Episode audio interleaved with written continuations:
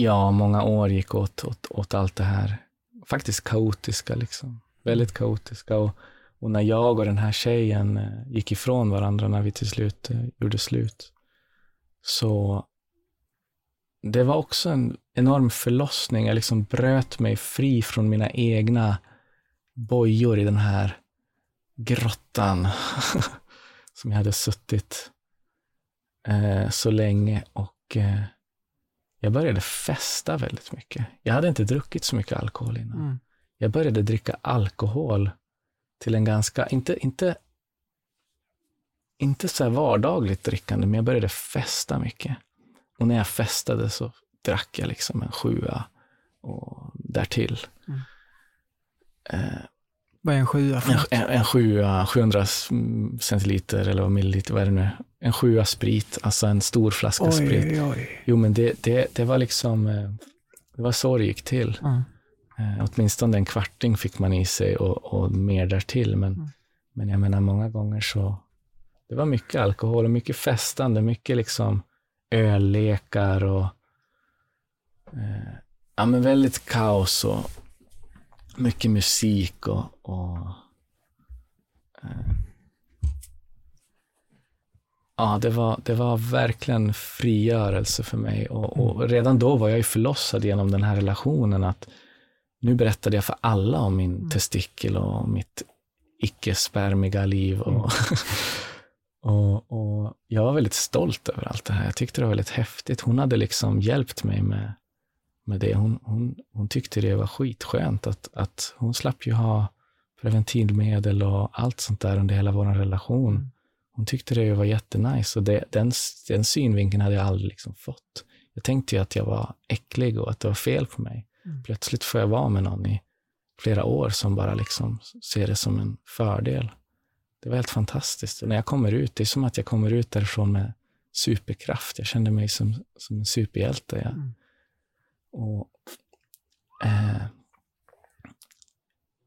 det hände massa saker under de här åren därefter. Och väldigt, psykedelikan som tidigare var du och jag tar en hög dos någonting och sitter bara och, och rider igenom det vi rider igenom, gick över till att bli någon form av festande Mm. Man käkar LSD på någon fest eller man käkar svamp på någon fest eller ecstasy eller blandat. Liksom. Och, och det blev mycket sådär. Mm.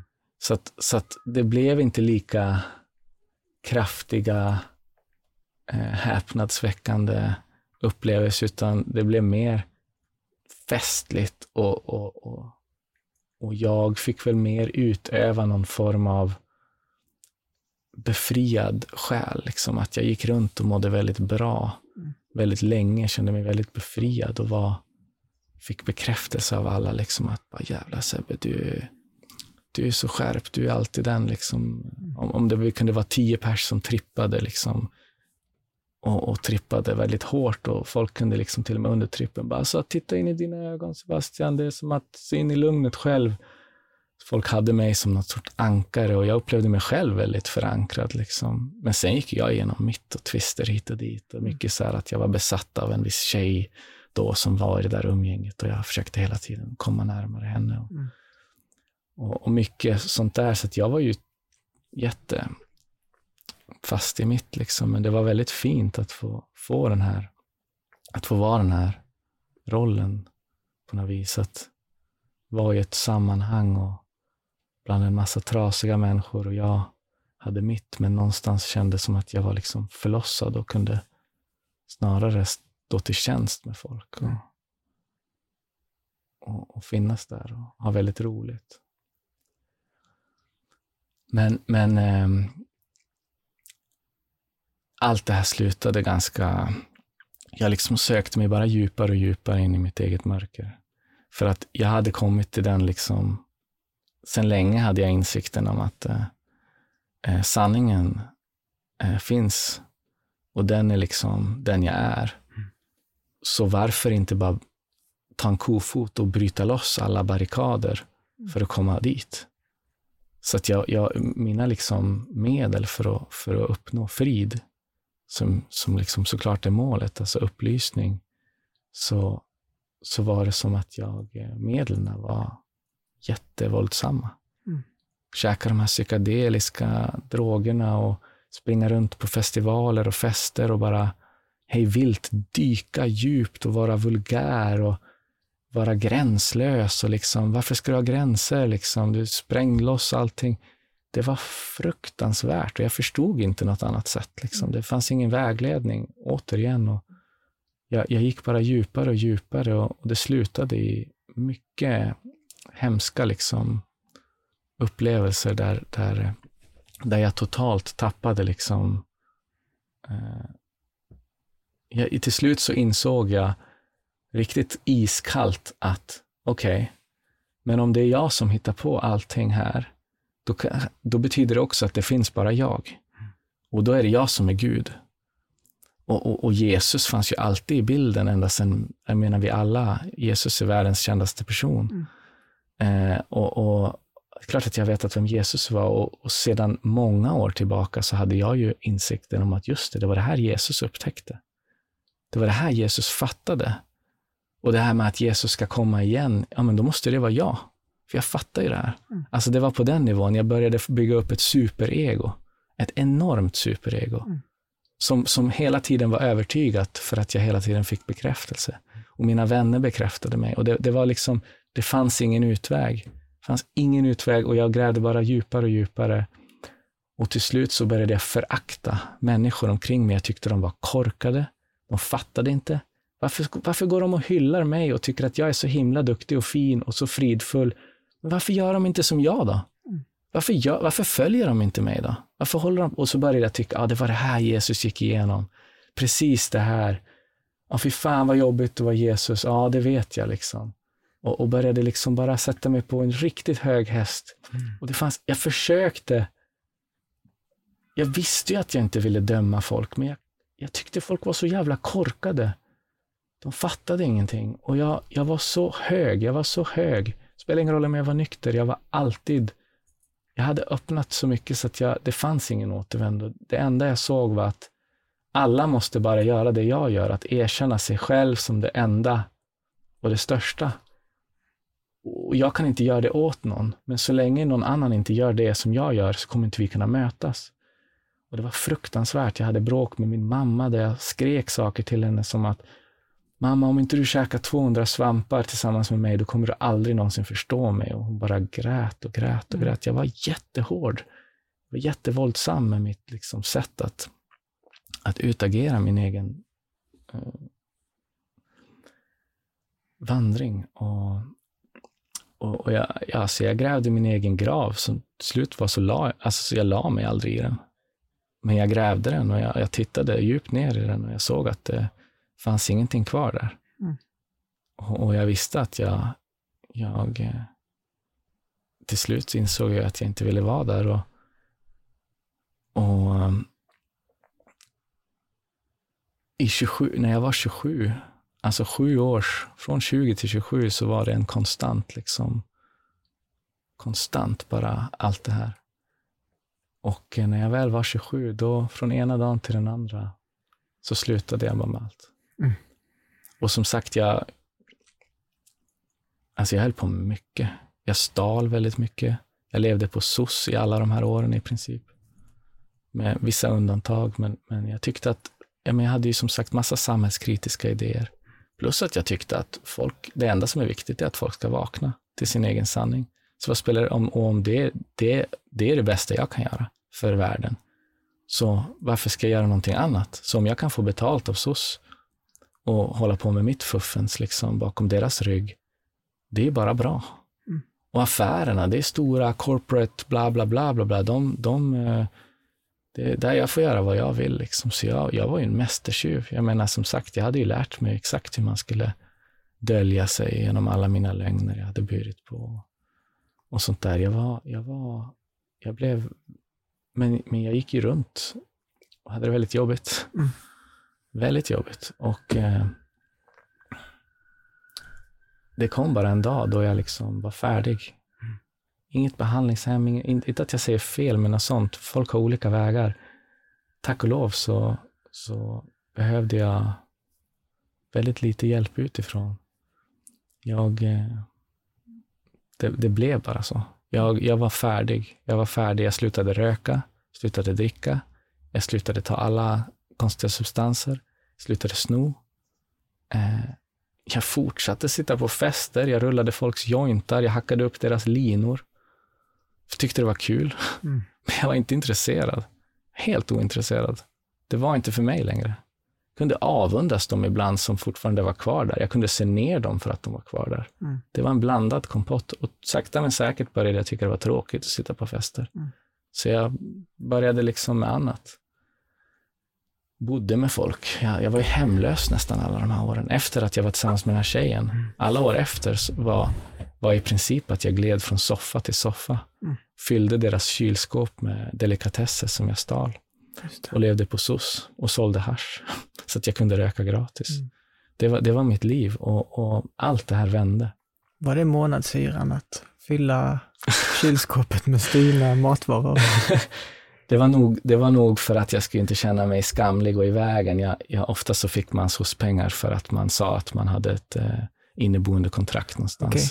Så jag kunde liksom bo officiellt någonstans på någon soffa, men, men jag bytte gärna. Jag ville inte vara för länge på samma ställe. Och tid, tidsvis kunde jag få någon lägenhet i några månader, men då var alla mina vänner också typ hemlösa eller lite lodiga, eller om mm. man nu ska vara krasst ut, uttryckt. Eh, så att de bodde hos mig allihopa. Mm. Så att eh, det var liksom vart man än hamnade så bodde alla där. Mm. Vi var liksom en hel gäng av, av lallare. Mm. Eh, en fantastisk tid, men, men det var tungt och, och jag, jag, det var någonting som också hade sitt slut. Mm. Så i 27 års ålder så slutade jag med allting och eh, eh, och, och flyttade eh, till ett annat inneboende där jag eh, började istället med yoga, väldigt mycket yoga, började arbeta. Jag hade aldrig arbetat någonsin i mitt liv. Aldrig någonsin. Mm. För varför skulle jag, tänkte jag. Så jag började arbeta och eh, jag tyckte det var jättekul att arbeta. Började städa. Eh, började göra yoga. Jag blev av med mitt arbete eh, för att Umeå kommun sa att de hade inte råd att ha kvar mig.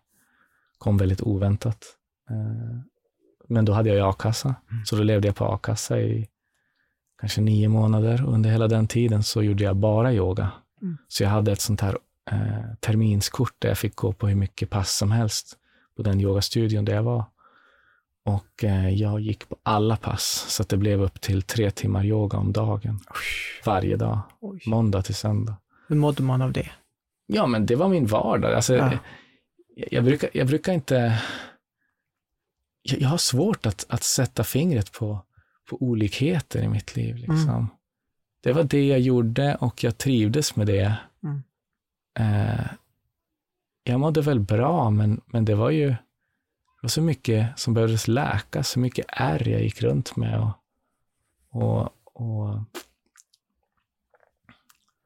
så att, så att det, var, det var två år av eh, liksom fullständig nykterhet. Mm. Eh, så någonstans där vid typ 29 års ålder började jag liksom acceptera att, bara just det, okej, okay. vill jag ta en bärs så kan jag ta en bärs. Liksom. Vill jag ta ett bloss någonstans kan jag ta en bloss. Men med det här gamla liksom, intresset, det fanns som inte kvar. Och det har aldrig liksom kommit dit igen att jag, att jag så kallat upplever att jag missbrukar någonting. Utan mm. idag känner jag mig bara befriad i att jag, jag, jag, jag, är inte rädd för, jag är väldigt rädd för mycket, men mm. jag, jag, jag, är inte, hur ska man säga, jag är väldigt glad för vart jag befinner mig i, i allt det där mm. idag. Liksom. Eh, väldigt tacksamt att ha gått igenom allt det där. Och, Eh, och, och yogan byttes sen ut mot meditation. Jag fot på det här Vipassana-lägret, mm. tio dagars retreatet i Ödeshög, mm. som du också har varit på. Mm. Mm. Inte, jag var i Thailand, men ah, okay. det var också men Vipassana. fortfarande Vipassana, precis. Ah. Och det tog mig också med storm. Mm. Och jag började köra, istället för yoga så började jag köra bara meditation. Och Mm. sitta min timma på morgonen och timma på kvällen. Mm. Och eh, det gjorde jag en lång tid. Nej, inte så långt, men några månader fortsatte jag efter det där. Det är nu ganska mycket. Två timmar meditation Ja, om dagen. jo. Jo, det är saftigt. Ja. Även det skulle jag säga är en ganska hård väg. Ja, Hela Vipassana-lägret ett ganska hårt sätt, att, en hård metod, liksom, ja verkligen. tycker jag. Mm. Men den är mildare än min förra metod av att Mm. liksom äta höga doser. Och, ja, men, men eh, Om jag får berätta en grej från jättegärna. Vipassana läger. Så, för, för innan när vi pratade lite om verklighetsuppfattningen, liksom, men vad är, vad är riktigt? Vad är på riktigt? Så när jag satt på det här Vipassana-lägret så pratade munken varje dag om den här illusionen. Och jag var bara 20 år gammal tror jag. Jag hade aldrig introducerats till att, vadå, illusion? Jag ser ju det jag ser. Jag fattar inte alls vad han pratar om överhuvudtaget. Och så pratar han om det varje dag, varje dag. Och sen så, tror jag det var fjärde dagen, så säger han liksom, Jonas, du är bara en produkt. You are just the product of your own ignorance, tror jag han sa. Mm. Du var en produkt av din egen ignorans. Och jag, och jag bara kände liksom så sjukt starkt. Ja, det landade liksom i kroppen. För första gången jag hade resonerat lite kring det där innan, men det bara gick in i kroppen. Och jag bara kände, men shit, jag har ju levt hela mitt liv eh, för att, för vad andra människor har tänkt och tyckt om mig. För, för att andra människor ska tycka att jag är en snäll människa. Det var liksom min identitet. Mm. Jonas den snälle. Om det var någon eh, tjej som blev retad, då var det jag som skulle liksom steppa upp och säga, nej men det här är inte okej. Mm. Och jag insåg, men det där är en identitetsgrej. Och när jag förstod att allt annat jag också gjorde var identitetsgrejer, så var det som brutal sorg för mig. Jag bara la mig ner på en trappa och bara kände, var helt uttömd. Det, fanns, jag, det fanns ingen mening överhuvudtaget, kände Mm. jag. Och jag var så arg på den här munken. Ja, men vad, vad har du gjort med mitt liv? Jag var så ledsen när jag skrev, för jag fick inte prata. Mm. Jag skrev en massa grejer, det här ska jag lämna till honom. Säga liksom att du har förstört mitt liv. Jag bara grät grät grät.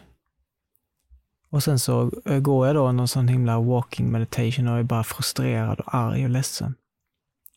Och sen så kommer det en eh, flakmoped upp för en kulle och så en, en hund, svart hund som springer bredvid. Och jag bara liksom, bara, och håret överallt på hela kroppen bara reser sig upp. Och jag eh, bara ser framför mig det vackraste som jag någonsin har sett. Jag blir helt tagen. Wow! Det det vackraste jag någonsin har sett. Nu förstår jag vad munken pratade om när han sa att han såg månen för första gången. Mm. På riktigt. Mm. Jag ser nu flakmopeden och hunden, materia eller vad det var, för första gången på riktigt. Det är så här saker kan se ut. Och jag så, så ungdomlig, eh, jag vet inte vad jag ska kalla det för, men jag var liksom så lycklig över de här insikterna som föll i mig. Eh, och ja, levde ju på det länge. Fick, efter det fick jag också en kraftig kundalini-energi när jag satt och mediterade, Mm. som fyllde mig länge efter. Så, så då behövde jag inte lämna de här breven till munken. ja, så jag, tack så mycket. Jag tackar för munken för, eh, Mm. för den nu i efterhand. Mm. Wow. Ja, Tack. Tack för den historien. ja, Och jag, jag, jag blir så tagen att du, att du kunde ta till dig hans ord så kraftigt så att det till och med liksom, ska man säga, defragmenterade din egen mm, världsbild och mm. identitet. Jag ser framför mig jag typ vinglar ut från det här eh, Mm. meditationsrummet. Liksom bara wow. Som att jag bara kände det i hela kroppen. Helt otroligt alltså. Mm. Och att, att du liksom gick igenom det. Du gjorde som allting som du ja, tänkte att du skulle göra. Och så. Nej, men jag vet inte, det var bara väldigt... Bara att du skrev breven också, det var så fint. Liksom, hela den delen. Att du fick utlopp, fick Mm. sätta ord på din frustration. Det blir som lite som bön. Mm. Alltså som att, alltså verkligen att, att, att säga till det gör jag väldigt ofta, liksom, att jag säger till Jesus, bara, så bara, det, det, det är som att jag, jag håller inte igen, liksom, utan jag säger bara så, jag tycker det här är för jävligt. Mm. Eh, och jag ber att, att, att få se det på ett annat sätt. Men, men verkligen släppa loss, liksom, inte tro att eh, man måste vara fin i kanten för att för att snacka med, med Jesus. Liksom.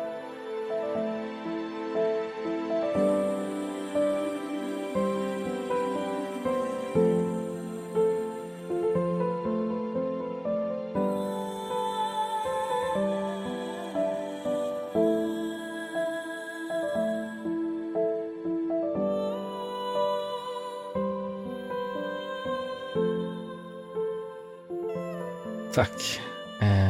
Ja, vi, vi kommer nu till, eh, till faktiskt till vändpunkten för Mm. mig. Det, det, det har skett många vändpunkter Mm. under den här resan. Och många eh, landningspunkter. Men eh, när det verkligen vände på allting samtidigt för mig, det var när jag kom i kontakt med en kurs i mirakler. Eh, och det var en som nu är min kära gudfar, eh, Johannes, Mm. eh, som introducerade mig till kursen. Johannes har jag träffat på ett hälsohem. Innan Sebastian träffade Johannes. Precis. Precis. På samma plats träffade Sebastian Johannes två veckor efter. Exakt. Mycket fin person. Han, han, jag upplevde honom som ett, som ett stort hjärta bara. Hans skratt var liksom bara en, en ekande tunnel av, av eh, befrielse. Mm. Mycket, mycket fin man. Och, och väldigt lätt att, att liksom ta till sig av för mig. Att det han sa var, det klingade så himla rätt. Och, och han, eh, han delgav liksom kursen till mig. Och det började med att han lånade ut en bok som heter Bortom universum till mig. Som är en bok som handlar om kursen. Mm. Hela boken är egentligen en, ett redskap för att kunna lättare förstå sig på kursen. Eh, och en kurs i mirakler, det är ju en, det är ett verk som skrevs, som kom ut 1975 eller 1974 eller något sånt där.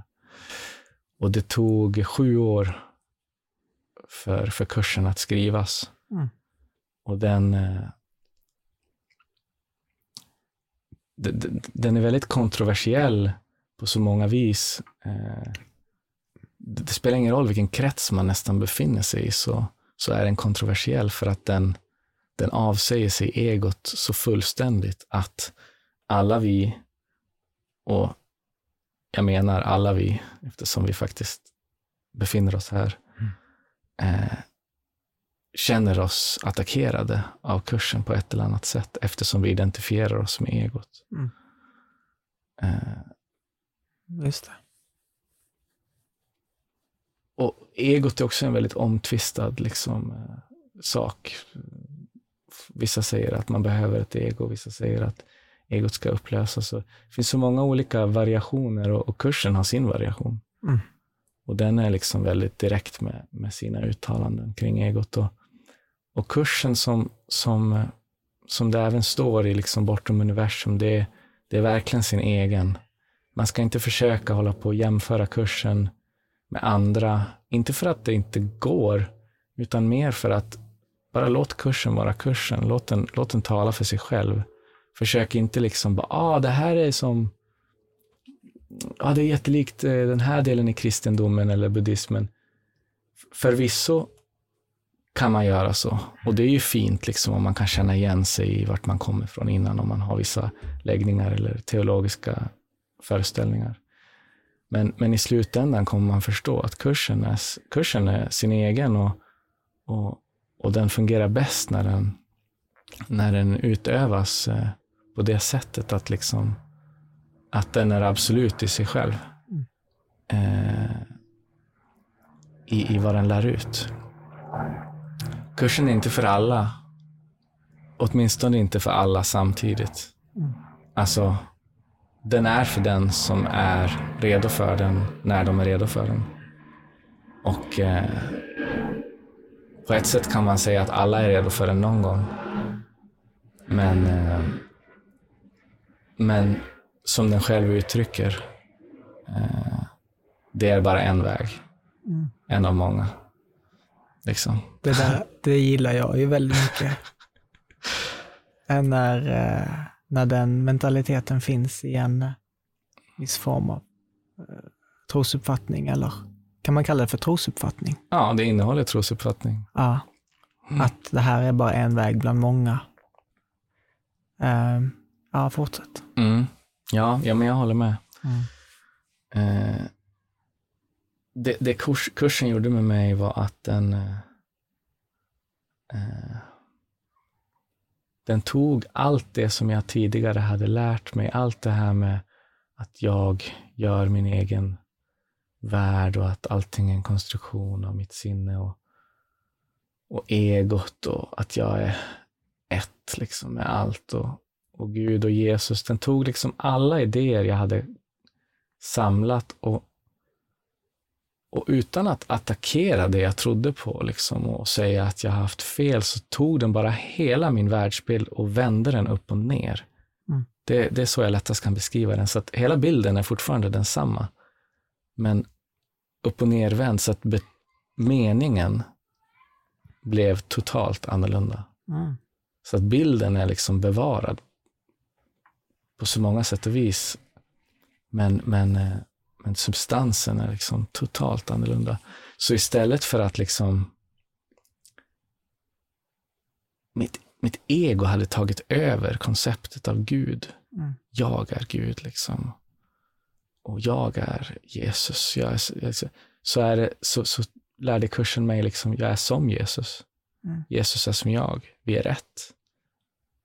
Uh, Gud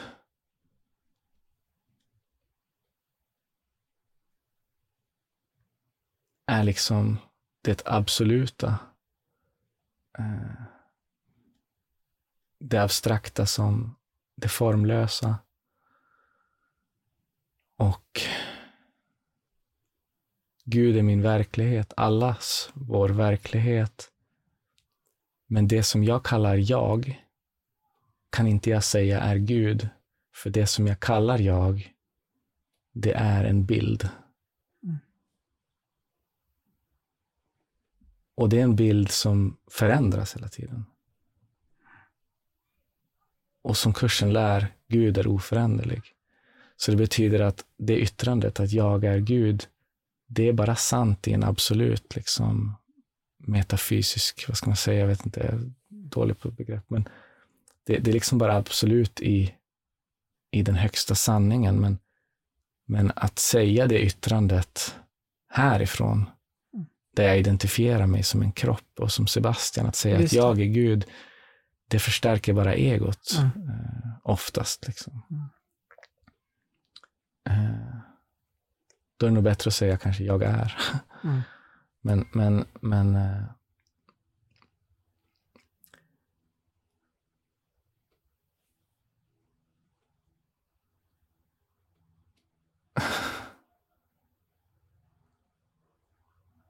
Ska, ska jag... Jag vet inte vad jag ska säga.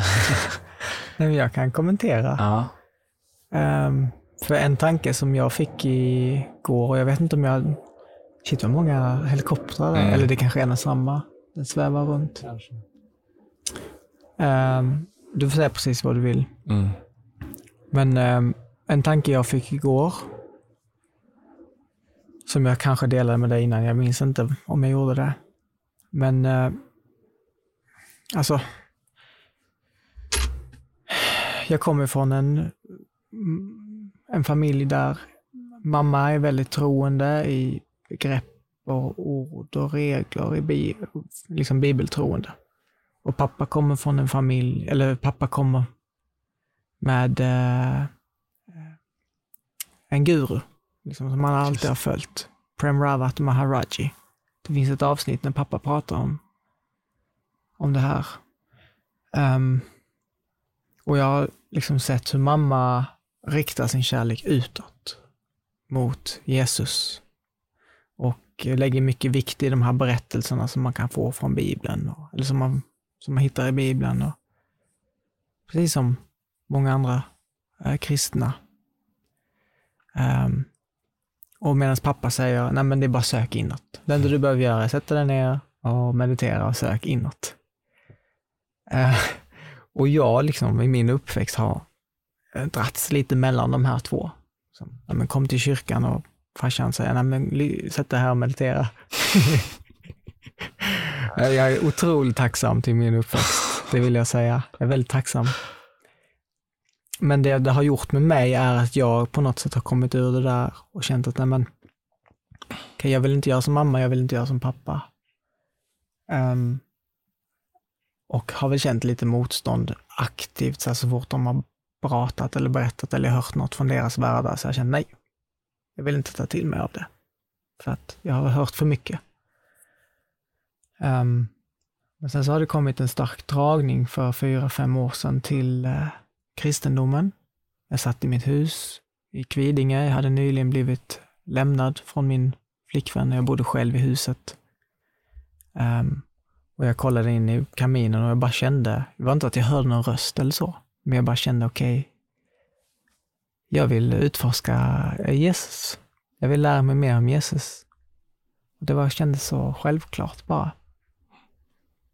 Och eh, har varit, känt mig väldigt vilsen i, eh, i den här vandringen och ibland känt mig väldigt självklar.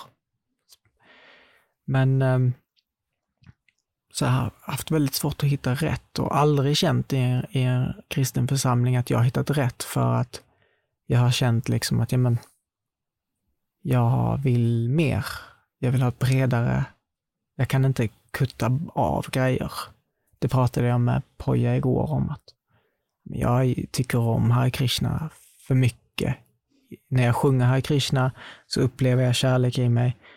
Det finns ingen text eller människa som kan säga till mig att det är fel om jag upplever kärlek när jag gör det. Så är jag lagd. Um, men så har jag börjat tänka, men okej, okay, men hela den här berättelsen om Jesus och också efter jag började skådespela och jag insåg att jag kan gå upp på scen och tänka att det här är min pappa som står framför mig, även fast det inte är det. Och han har gjort sådär och sådär och sagt sådär. Och, och nu ska jag känna en massa kärlek till honom. Och så kan jag känna det liksom bara, mm. Mm. när man skådespelar. Mm. Och det kan vara starkare än det på riktigt. Mm. Och jag kände, men tänk så är den här berättelsen och berättelsen om Jesus i Bibeln, alltså någonting för oss att faktiskt tro på, någonting för oss att faktiskt gå in i, vare sig det har hänt eller inte. Sen för mig är det viktigt att jag tror att det har hänt, min tros skull. Äh, gå in i det och verkligen tro på det och bara shit, Jesus dog på korset för mina synders skull. Jag känner ingenting när jag säger det, men jag önskar att jag en dag ska känna liksom wow, Jesus Kristus dog på korset för mina synders skull. Och sen liksom rikta kärleken utåt. Eh, Jesus säger du måste förneka dig själv. Du måste mista ditt liv för att finna det. Du måste dö för att leva. Nu finns inte längre jag. Jesus lever genom mig. Det är så återkommande där. Det är en kamp mellan köttet och anden. Dualismen som du pratade om innan. Så jag, jag får får på något sätt bara sista månaden känna att men jag kan få landa i både min mamma och pappas filosofi. Där jag använder mammas religion, tro. Där jag liksom ta hjälp av berättelserna, ta hjälp av bilderna, koncepten, begreppen, orden. Tills jag, och det här är en tanke som är, får jättegärna lov att ändras i framtiden. Men så här tänker jag nu. Tills jag står på en, i en klipprand och jag har tagit mig dit på grund av att jag har känt att jag har fått hålla Jesus i handen. Jag hade inte tagit mig dit annars, så tänker jag. För det är att gå in i nuet har jag känt har varit liksom det läskigaste som finns. Jag har suttit i min säng ibland och bara haft på musik och känt att om musiken stängs av nu kommer jag stänga av min mobil och jag måste gå in i nuet. Jag vågar inte. Jag, jag kan inte. Det går inte. Men så har jag gjort det ändå. Eh, och då kanske fått hjälp för att jag har varit i bön till Jesus. Liksom, Jesus hjälp mig, jag vågar inte men jag behöver din hjälp. Och sen eh, få den här hjälpen tills jag står vid klippranden. Och Jesus säger, okej okay, Jonas, jag är inte här ännu. Det här är bara en idé om framtiden. Okej okay, Jonas, liksom nu du nu är det dags för mig att få ta form i den fulla liksom, potential och den fulla kraft som jag faktiskt är. Det betyder inte att Jesus försvinner, att Jesus bara var en, en påhittad idé. Det betyder snarare att Jesus, Gud, är så mycket mer än vad jag någonsin kan tänka mig till. För alla de här orden, begreppen, koncepten, idéerna är liksom eh, tankar och idéer. To define is to limit. Men det är också en nödvändig defining. Det har också, jag har också varit i behov av att definiera. Men eh, för jag fick uppleva en gång, jag satte mig i en svetthydda, en keltisk svetthydda, där det var kolsvart och det var fruktansvärt varmt. Och som du sa också innan, att man, när man eh, när du gjorde den här psykedelikan, eller din vän gjorde det, så kissade han ofta ner sig. Mm. Att det var också en del av svetthyddan att när man blev kissnödig så skulle man bara släppa det. Eh, för vi satt i sand utomhus. Så det gick. Och den här mannen berättar liksom, okej, okay, det är en berättelse i svetthyddan som han berättar och han säger att det är en man som vill få evigt liv. Men för att få evigt liv så måste han eh, jag tror, jag tror för att få evigt liv så måste han dö. Säger, nej okej, okay, så här tror jag det. Han går till en ängel och säger jag vill evigt liv. Och ängeln säger, men du har för mycket grejer du håller fast vid. Mm. Du måste gå tillbaka och släppa taget. Så då gör vi det liksom ceremoniellt i gruppen, okej. Okay. Han ledaren berättar, liksom, tänk på någonting som är viktigt för dig och nu så släpper du taget. Och tack vare att det var helt kolsvart, det var så fruktansvärt varmt, och folk gråter runt omkring en och det är jobbigt, så blir det känns, så kan man gå in i den här eh, teaterfantasin som vi alla besitter. Mm. Den barnsliga fantasin. Och då eh, släppa taget om grejer på riktigt. Liksom man känner det i kroppen, och nu släppte jag taget om det. Och den sista gången som vi skulle släppa taget om någonting, så sa han, okej, okay, tänk nu på det som är allra mest liksom det allra viktigaste för dig.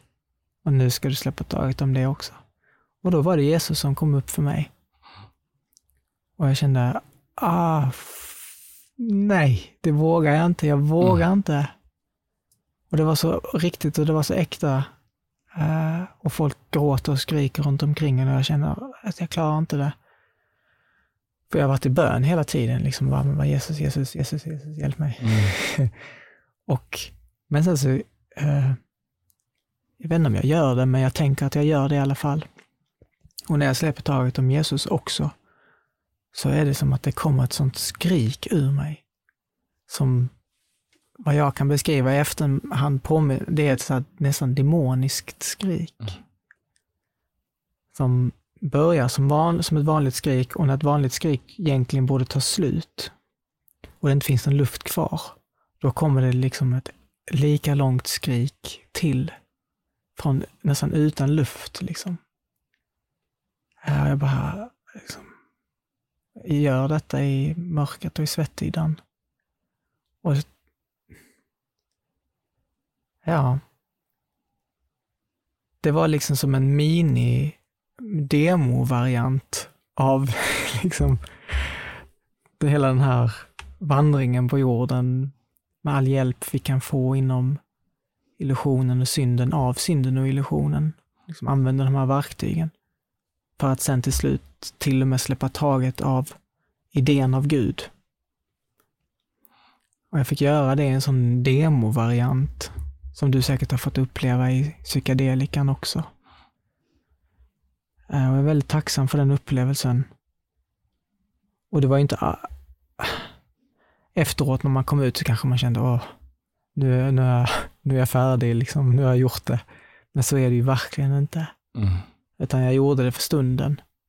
Men som du sa innan när vi stod eh, på balkongen, så sa du att jag måste eh, välja Jesus hela tiden. Varje sekund. Det är liksom... Mm. Och om jag gjorde det igår, om jag var världens mest upplyfta, vad heter det, upplyft, upplyst, upplysta människa igår. Men om jag inte känner det idag, spelar det ju ingen roll. ja. Mm. Mm. Vad tänker du? under, under, under berättelsens gång så tänkte jag saker och tänkte att jag skulle säga, bara kommentera hur fint det var att höra det där och det där. Mm. Och precis nu när du är klar så är det som att jag, jag har redan glömt bort allting du har sagt. Inte på ett negativt sätt, mm. utan jag var helt med i allt du sa. Mm. Och nu har jag faktiskt ingenting att säga. Eh, annat än att jag, ja, jag har hört dig. Liksom, mm. och, och, väldigt, väldigt fint alltså. Väldigt fint att få lyssna. Jag blir så påverkad av de här mötena som jag får. Och har känt på sistone att men, ah, jag har känt sån tacksamhet i min öppenhet och min, att, att det har känts så fritt. Liksom att jag får utforska alla de här olika religionerna och trosuppfattningarna. Mm. Och så träffar jag då kristna och konservativt kristna som liksom berättar för mig att men Jonas var försiktig. Uh, liksom, det finns ett helvete som du kan komma till. Och då varje gång, ja, jag, jag lyssnar på människor och det behöver jag göra för att göra detta jobbet jag gör. Jag blir påverkad av dem också. Så då kände jag att jag måste ringa Sebastian och få, få en inblick i det här och öppna upp mig själv igen för det här brutalt öppna. Mm. Som jag gärna vill lyssna lite mer på.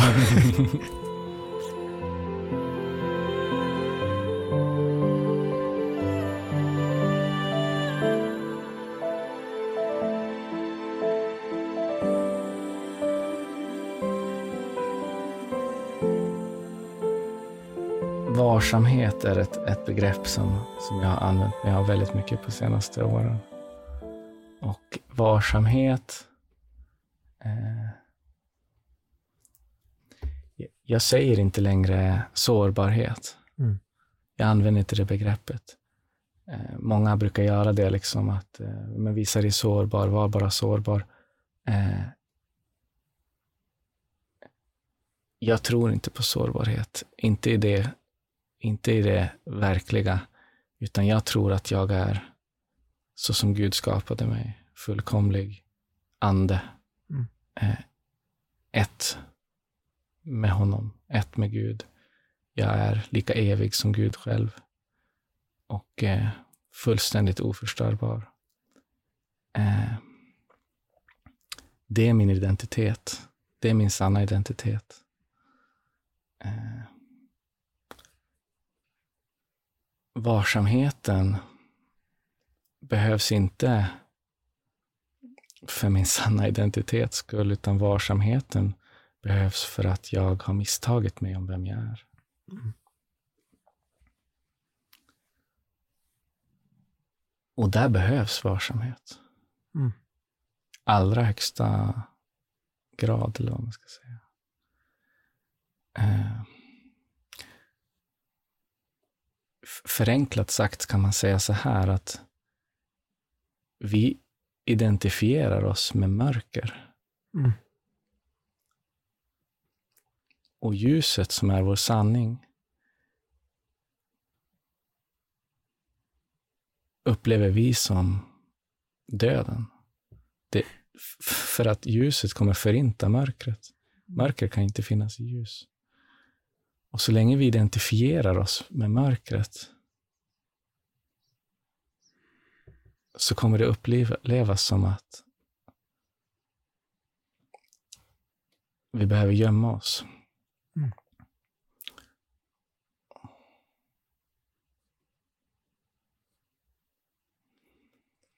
Och då är det viktigt att vara varsamma med oss. Varsamma med den falska identitet som vi har tagit oss an.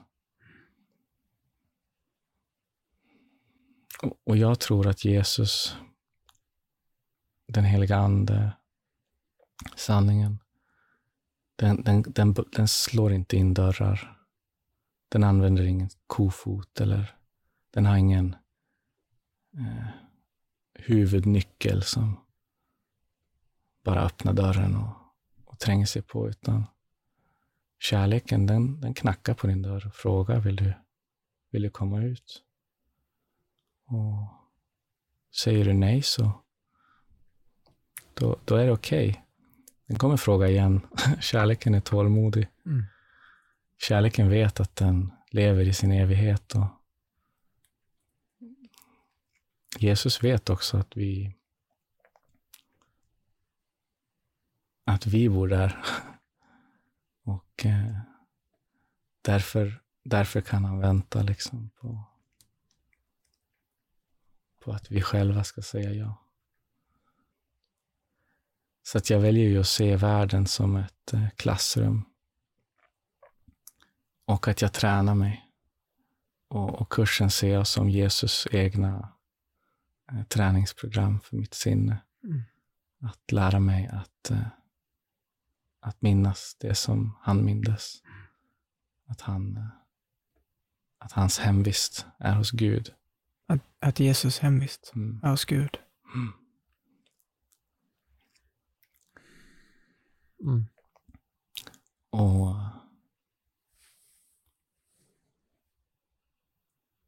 Och om, om, om, det skulle vara, om det är sant, om det är sant att jag bor hos Gud och att det är min, min hemvist, om, om det faktiskt är där jag bor och är och, och det är mitt liksom, min, min identitet är där, då, då måste allt annat vara en form av dröm eller som kursen kallar det, illusion. Mm. Att, att, att det, måste, det måste finnas någon form av hinna som, som, som hindrar mig från att kunna se det och känna det. Mm. Och även där, Jesus är inte här för att rycka bort den ridån för att det, det är inte han som har lagt dit den. Mm. Utan så som jag ser det och så som kursen förklarar det, så är det vi själva som har lagt upp någon form av skydd Mm. för att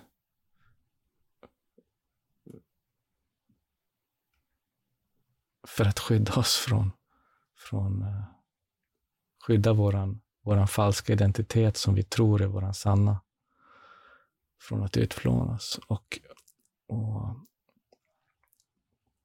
och vi ska aldrig vara rädda att, att den identiteten kommer av, av heliga anden kommer inte den att utmanas på det sättet som vi är rädda för att den ska utmanas.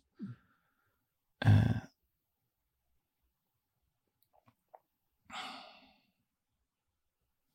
prövningar som jag ser det, prövningar ser jag som en del av prö en prövning för mig är att hitta en, en, en barriär. Att hitta bjälken i sitt öga. Just det. Det, det är prövning. Mm. Det, det är inte, som jag ser det, Gud som har lagt dit den eller någonting annat för att vi ska lära oss någonting. Vi la, vi la bjälken där. Varför? Som kursen uttrycker det så, så, så fick, vi en, fick vi en galen idé om att eh, tänk om det fanns någonting annat än, än det eviga och Gud och allting. Och den idén i sin tur gav, gjorde, blev upp, vad ska man säga,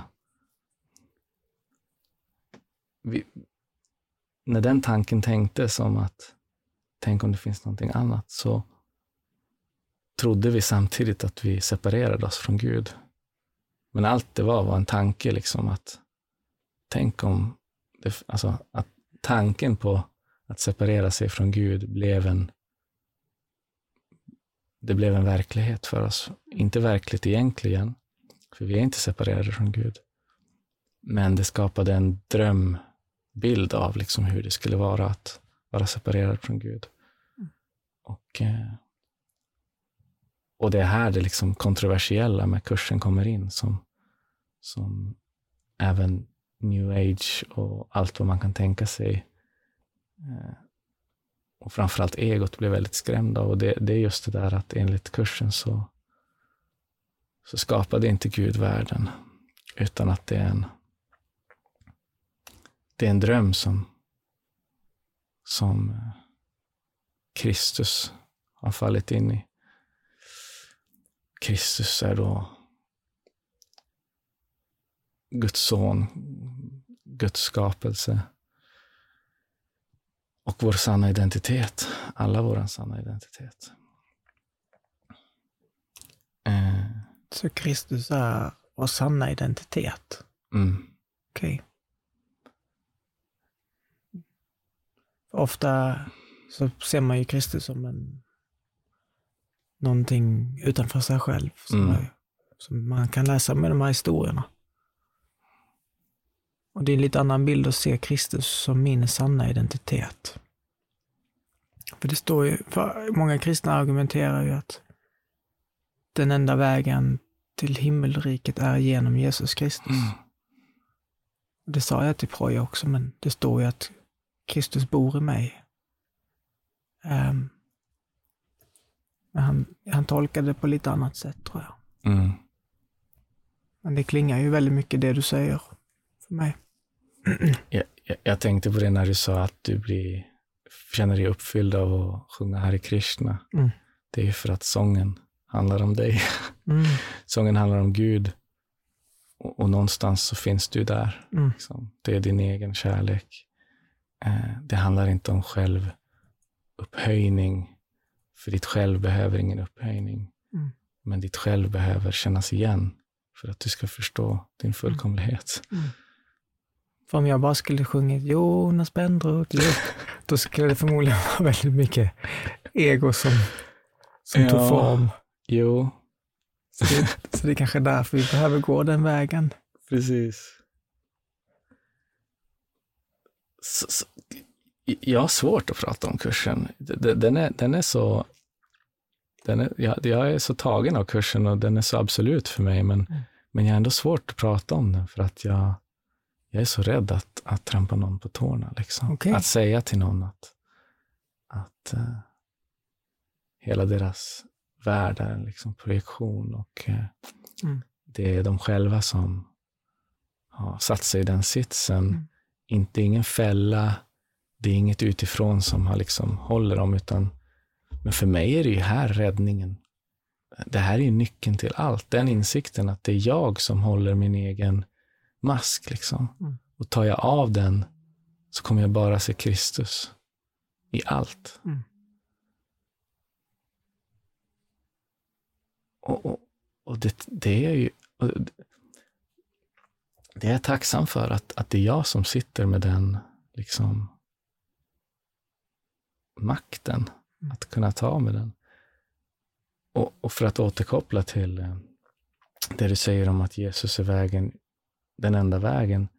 Det är fortfarande sant för mig. För att utan minnet av, av Gud, utan hmm,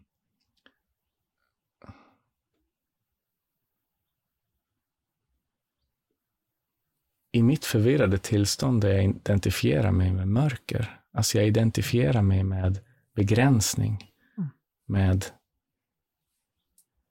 med kropp, som i högsta grad är begränsat. Det är, jag menar, och vi blir ju jätterädda av att förenas, för att förening betyder ju att gränser börjar suddas ut. Mm. Och vad händer då med det vi tror att vi är? Liksom? Vi håller ju jättehårt fast vid vår identitet. Eftersom det vi inte är ofta är det som identifierar oss som mest. Förstår du hur jag tänker? Nej, inte riktigt. Ofta för mig har jag, har jag känt att det som identifierar mig som allra mest är när jag kan liksom kanske döma utåt och tänka jag inte, för dömandet ser jag ofta som att jag mitt ego tänker, jag är inte det, jag är inte det, jag är inte det. Och om de där gränserna skulle suddas ut, mm. så skulle jag ju inse att, men jag är det. Jag är det. precis, precis. Mm. Det finns ingen bov där ute. Mm. Det är liksom... Eh, och Gud är inte heller en bov. Gud har inte satt oss i en tragglig sits där vi, där vi ska liksom kämpa oss till himmelriket och misslyckas vi så får vi får vi ta hans liksom straff. Mm. Det, det, det vill inte jag tro på. Och, Nej. Nej, inte heller. Eh, så, så det är svårt att prata om kursen samtidigt så jag lär mig. Liksom, jag är ju ny kursstudent. Jag började studera kursen när jag var 29 eller någonting. Jag är så dålig på tid. Mm. Ja, men alltså, jag har väl kanske studerat i fem år eller någonting. Mm. Och, och jag finner fortfarande att jag har svårt att prata om den. Um, ja, men precis, att, att komma tillbaka till det, att varför Jesus är viktig. Det, det är ju för att i mitt förvirrade tillstånd så vet inte jag vem jag är. Och jag kan inte lista ut det med de redskap som jag har här. För redskapen jag har, det är det jag har identifierat mig med. En hjärna som tänker, mm. massa begränsade tankar i koncept, i bilder. Mm.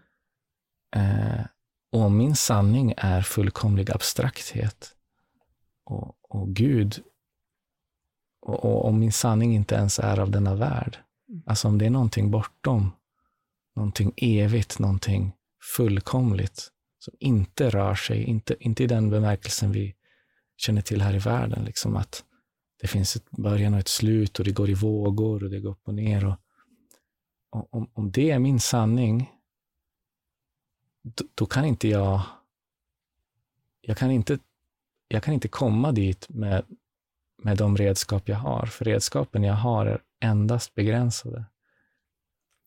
Därav kommer Jesus in i bilden, eller rättare sagt det som Jesus representerar. Mm. Jesus representerar Guds röst. Jesus känner sin fullkomlighet bortanför den här världen. Mm. Och det är även våran fullkomlighet. Hans etthet som han ser, ser han i oss alla. Och endast, endast hos honom, heliga anden för mig är också synonymt med Jesus. Liksom. Men endast där kan jag få svaren. Och, och, och, det intressanta blir då att jag kommer ju vandra här som Sebastian i många år troligtvis. Mm. Eh, och det vet Jesus. Jesus vet det. och vet också att, att det här abstrakta som är liksom min sanna och det som jag behöver minnas, eller det som jag sakta men säkert kommer minnas, det, det kan han liksom... Han, han har liksom en läroplan för var och en av oss mm. att, att följa. Och, den, och, och, följer vi den, då kommer den aldrig attackera vår identitet. Det kommer aldrig bli de här... Alltså om vi, om vi håller Jesus i handen, då, då kommer han precis på den nivån som han ser att vi är liksom redo för. Delge den här eh, avmaskningen av vår falska identitet. För han vet att vi håller fast vid den och att det är vi som håller uppe den masken. Och han vet hur mycket ljuset skrämmer oss, alltså vår sanna identitet skrämmer oss. Så att han har en perfekt plan om vi väljer det, att, att vara med honom och, och vandra med honom, då, då kommer vi sakta men säkert få ta av den här masken tillsammans med honom. Mm. Och, och, bakom det här finns bara Kristus. Det, det är liksom... Uh, och det är så fantastiskt. Mm. Det är så fantastiskt. Det, det är så tacksamt att, att få ha kommit hit för mig, att har gått igenom allt det här hårda, jobbiga och få landa i att, att bara vägledas. Jag försökte styra allting förut. Jag trodde allting var upp till mig. Jag tyckte alla var sämst som inte också tyckte det var upp till dem. Det var det enda jag önskade förut, att kan inte alla bara ta sitt ansvar att inse att allting är upp till dem? Och om vi alla gör det samtidigt, då, då blir det liksom en befrielse. Mm. Men det ironiska med det var att hur kan jag, som med mitt strama liksom seende, jag ser inte vad du tänker, eller vad du faktiskt vill, eller vad du behöver. Mm. Hur kan jag ens göra någonting för din skull eh, utan hjälp från den som också är i dig och känner dig? det fattade inte jag förut. Jag, jag trodde att, att jag måste bara bli det där som ser allt. Och det är min uppgift. liksom. Istället nu så har jag avsagt mig hela mitt ansvar och det enda ansvaret jag väljer att ha kvar, det är att jag väljer att vända mig till han som har ansvaret. Mm.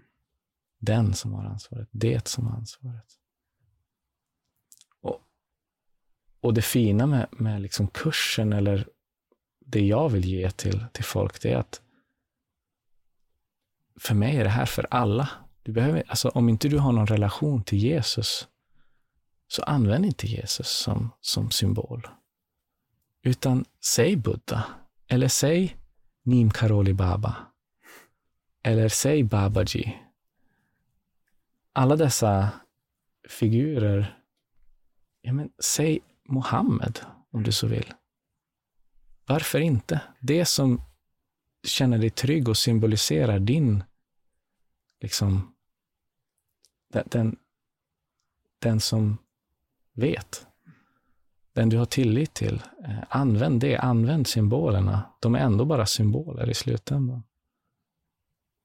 I, i slutändan kommer alla symboler att, att, att uh, vara otillräckliga. Mm. Men tills dess behövs de och, och använd dem. Använd världen, använd allt som, allt som är av godo är bra. Det finns ingen begränsning i, i det. Eh, jag har alltid haft Jesus. Jesus har alltid funnits där för mig. Långt innan jag lärde känna honom på det här viset, så har jag alltid tänkt på Jesus. Jesus, sen första, min första religions religionslektion i ettan så minns jag att jag fick höra om Jesus. Han var en superhjälte för mig. Mm. Wow, en person som blev korsfäst av all, och plågad av alla de här personerna. Och vad gör han? Han förlåter dem. Wow! Mm. Superhjälte. Jag, jag det, det talade om godhet. Du pratade om, om att vara Jonas den snälla. Det, det, det ringer jättefint i mig. Jag, jag har också alltid velat vara den snälla. Jag har ett jättestarkt minne av att jag jättetidig ålder, jag var kanske sex år sedan, jag, jag frågade mamma, mamma vad betyder cool? Och hon sa, det betyder, det är en person som är snäll. Jag ville vara cool. Mm. så jag ville vara snäll. Så jag har försökt vara snäll hela mitt liv. Mm. Och Jesus lät som en väldigt snäll person. Det, det, finns alltså människor, vi kallar dem mästare och gurus, och, som, som påstår sig eh, känna fullkomlig frid. Och det är inte som att de känner det för att de undviker att läsa tidningen och inte har koll på vad som händer i världen. Eller inte har gått igenom det där helvetet själv. Mm. Det är ju tvärtom, att de har ju valt att fortsätta känna friden som, de, som vi alla bär på. Istället för att... De, de har liksom till slut insett, bara, varför skulle jag inte känna friden? Mm. Jag kan fortfarande göra det jag gör i världen. Jag kan fortfarande se till att att eh, våldet minskas och att, att kärleken liksom sprider sig. Mm. Men jag behöver åtminstone inte lida tillsammans med lidandet. Det, det, är, det är liksom en grej som egot har lyckats få oss att, att, att tro att det är fint att lida tillsammans med någon som lider. Du kan, det, det, betyder inte att du ska le eh, mot en person som är ledsen nödvändigtvis, eller skratta eller avfärda saker, utan precis som du pratade om när man skådespelar, vi, och det behöver inte vara någonting falskt, utan vi möter varandra på den nivån som, som vi ser varandra. Och man möter någon även vart de upplever sig vara.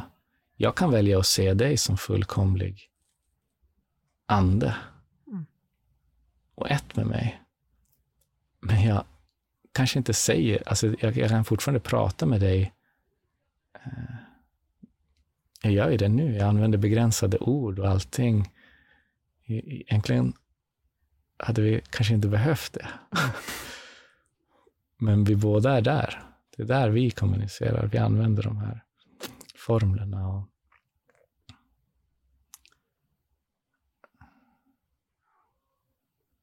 Ja.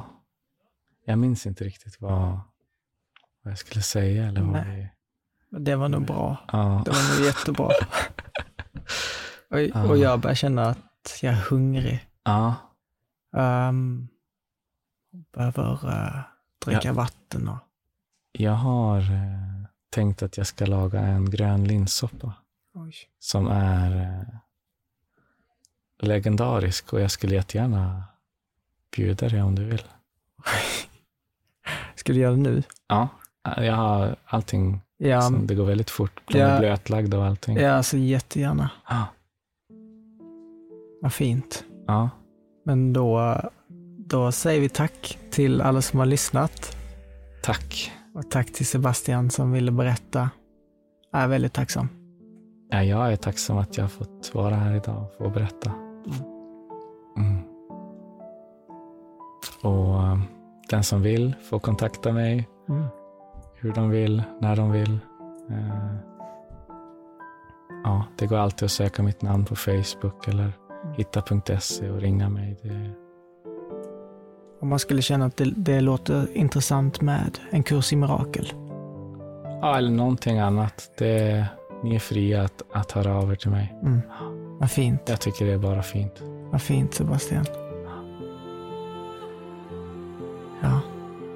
Tack så jättemycket. Tack. Tack så mycket för att du har lyssnat på avsnittet med Sebastian Narvaez. Och stort tack till Sebastian för att du delade med dig av din livshistoria och din visdom. Och tack för linsgrytan, eller snarare vitlöksgrytan, kanske jag borde säga. Den var helt fantastisk.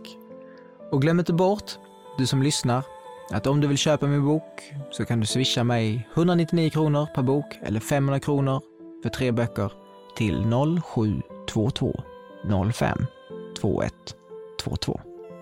Tack så mycket. Hej då!